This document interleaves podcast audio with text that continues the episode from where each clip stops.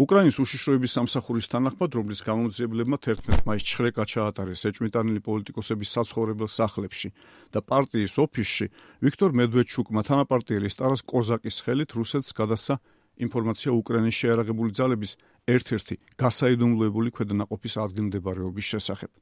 ამ ბრალდების გარდა უკრაინის გენერალური პროკურორის ირინა ვენედიქტოვას მიერ მედვედჩუკ კოზაკის ეჭვმიტანად ცნობის შესახებ ოფიციალურ დოკუმენტში საუბარი ასევე რუსეთის მიერ ოკუპირებულ ტერიტორიებზე ეროვნული ფასეულობების ძარცვის სამზადისის შესახებ. საქმე შეეხება შავი ზღვის შელფზე რუსეთის მიერ ოკუპირებულ ქერჩში არსებულ გაზის საბადო გლუბოკაიაზე სასარგებლო წიაღისეულის მოპოვების მიზნით რუსეთის ხელისუფლების მაღალჩინოსნებთან მედვედჩუკისა და კოზაკის კავშირებზე. უკრაინის გენერალური პროკურორის ინა ვენედიქტოვას მიერ მედვედჩუკის ეჭვმიტანაცნობის შესახებ ხელმოწერილი განკარგულების საფუძველზე უკრაინის უშიშროების სამსახურის წარმომადგენლებმა ჩხრეკა ჩაატარეს კიევში მდებარე მედვედჩუკისა და ტარას კოზაკის საცხოვრებელ სახლებსა და ოპოზიციური პლატფორმა სიცოცხლისათვის ოფისში.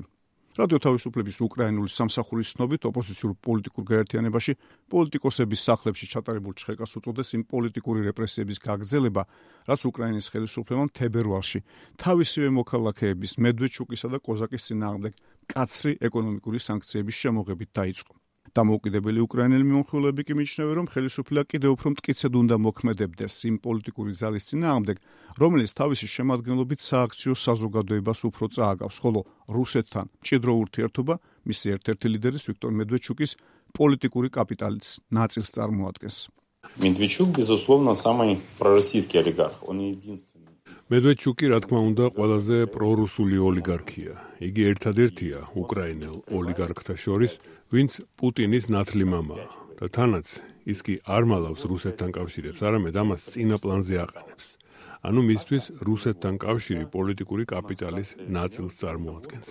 მასე თავდასხმა ზელენსკის მხრიდან წარმოადგენს იმის დემონსტრირებას, რომ მედვედჩუკი უკვე აღარ არის საჭირო როგორც კრემლთან ურთიერთობაში შუამავალი. და ამიტომ იგი შეიძლება მოიშორო. ინტრიგა იმაში მდგომარეობს და ეთანხმება თუ არა კრემლი, რომ მედვედჩუკი მოაშორონ საჯარო სივრცეს და ეყოფა თუ არა ზელენსკის გუნდს ძალა ჩამოაშოროს მედვედჩუკი საჯარო სივრცეს. И хватит ли сил у команды Зеленского, чтобы убрать Медведчука из публичного поля? ამბობს ევხენ მაგდა, კიევში მდებარე სოფლიო პოლიტიკის ინსტიტუტის დირექტორი. ვიქტორ მედვედჩუკის გარშემო განვითარებულ მოვლენებს 12 მაისს უკრაინის შიდა საქმე უწოდა დიმიტრი პესკოვმა რომელმაც განაცხადა, რომ რუსეთი არაპირებს ამ პროცესში ჩარევას. შეკითხვაზე აპირებს თუ არა რუსეთი მედვედჩუკისათვის თავშესაფრის მიცემას, პესკოვმა თქვა, რომ რამდენადაც იცის მისგან ასეთი დახმარების თხოვნა არ ყოფილა. მას რაიმე სახის დახმარებას ძნელად თუ გაუწევთ იმ დევნის ფონზე, რასაც ახლა აქვს ადგილიო, დასცინა პესკოვმა. ვიქტორ მედვედჩუკიც აცხადებს, რომ ის ასად გაქცევას არაპირებს.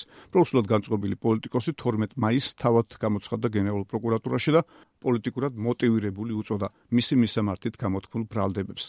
რადიო თავისუფლების უკრაინული სამსახურის ცნობით, ადვოკატითა და თანაპარტიელებით გარშემორტყ მედვედჩუკმა პროკურატურის შესასვლელთან განაცხადა, რომ არაპირებს უკრაინიდან გაქცევას და პატიმრობისთვისაც კი მზად არის.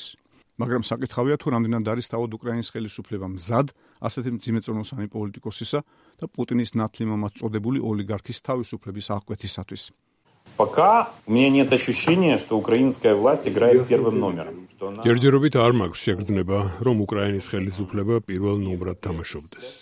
ჰქონდეს მოქმედების საბოლოო გეგმა იმის შესახებ, თუ რასვლები უნდა განახორციელოს ვიქტორ მედვედჩუკის მიმართ.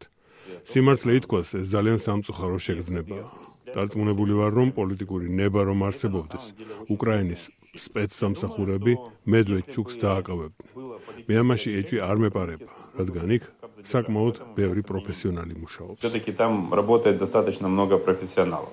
Аналитикоси Евген Магда უკრაინის პრეზიდენტის ვოლოდიმირ ზელენსკის თავარმა სათათბირო ორგანომ ეროვნული შიშოებისა და თავდაცვის საბჭომ ორი თვის წინ კაცრი ეკონომიკური სანქციები დაუწესა ვიქტორ მედვედჩუკს.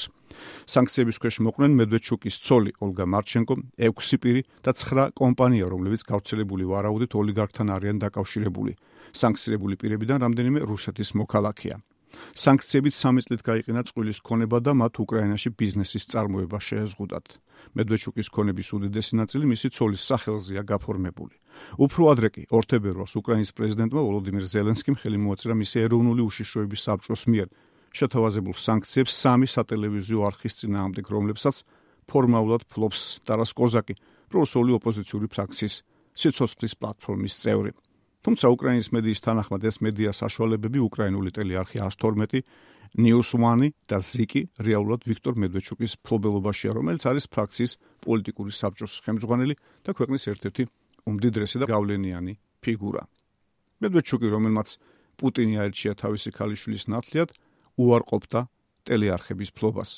პრეზიდენტის მშეველმა მიხაილო პოდოლიაკმა ადგილობრივ მედიას მაშინ უთხრა, რომ ეს არხები საკმაოდ აქტიურად და ხშირად ღიად იყო გამოყენებული უკრაინაში უცხოეთის პროპაგანდის გასავრცელებლად. 11 მაისს ვიქტორ მედვედჩუკისა და ტარას კოზაკის ეჭვმიტანილად გამოცხადება ბოლოა პრეზიდენტ ვოლოდიმირ ზელენსკის ადმინისტრაციის მხრიდან გადადგმულ ნაბიჯებში, რომელთა მიზანია იმ უკრაინელების შეზღუდვა, ვისაც მათი კრიტიკოსების თქმით კრემთან ახლო კავშირები აქვთ.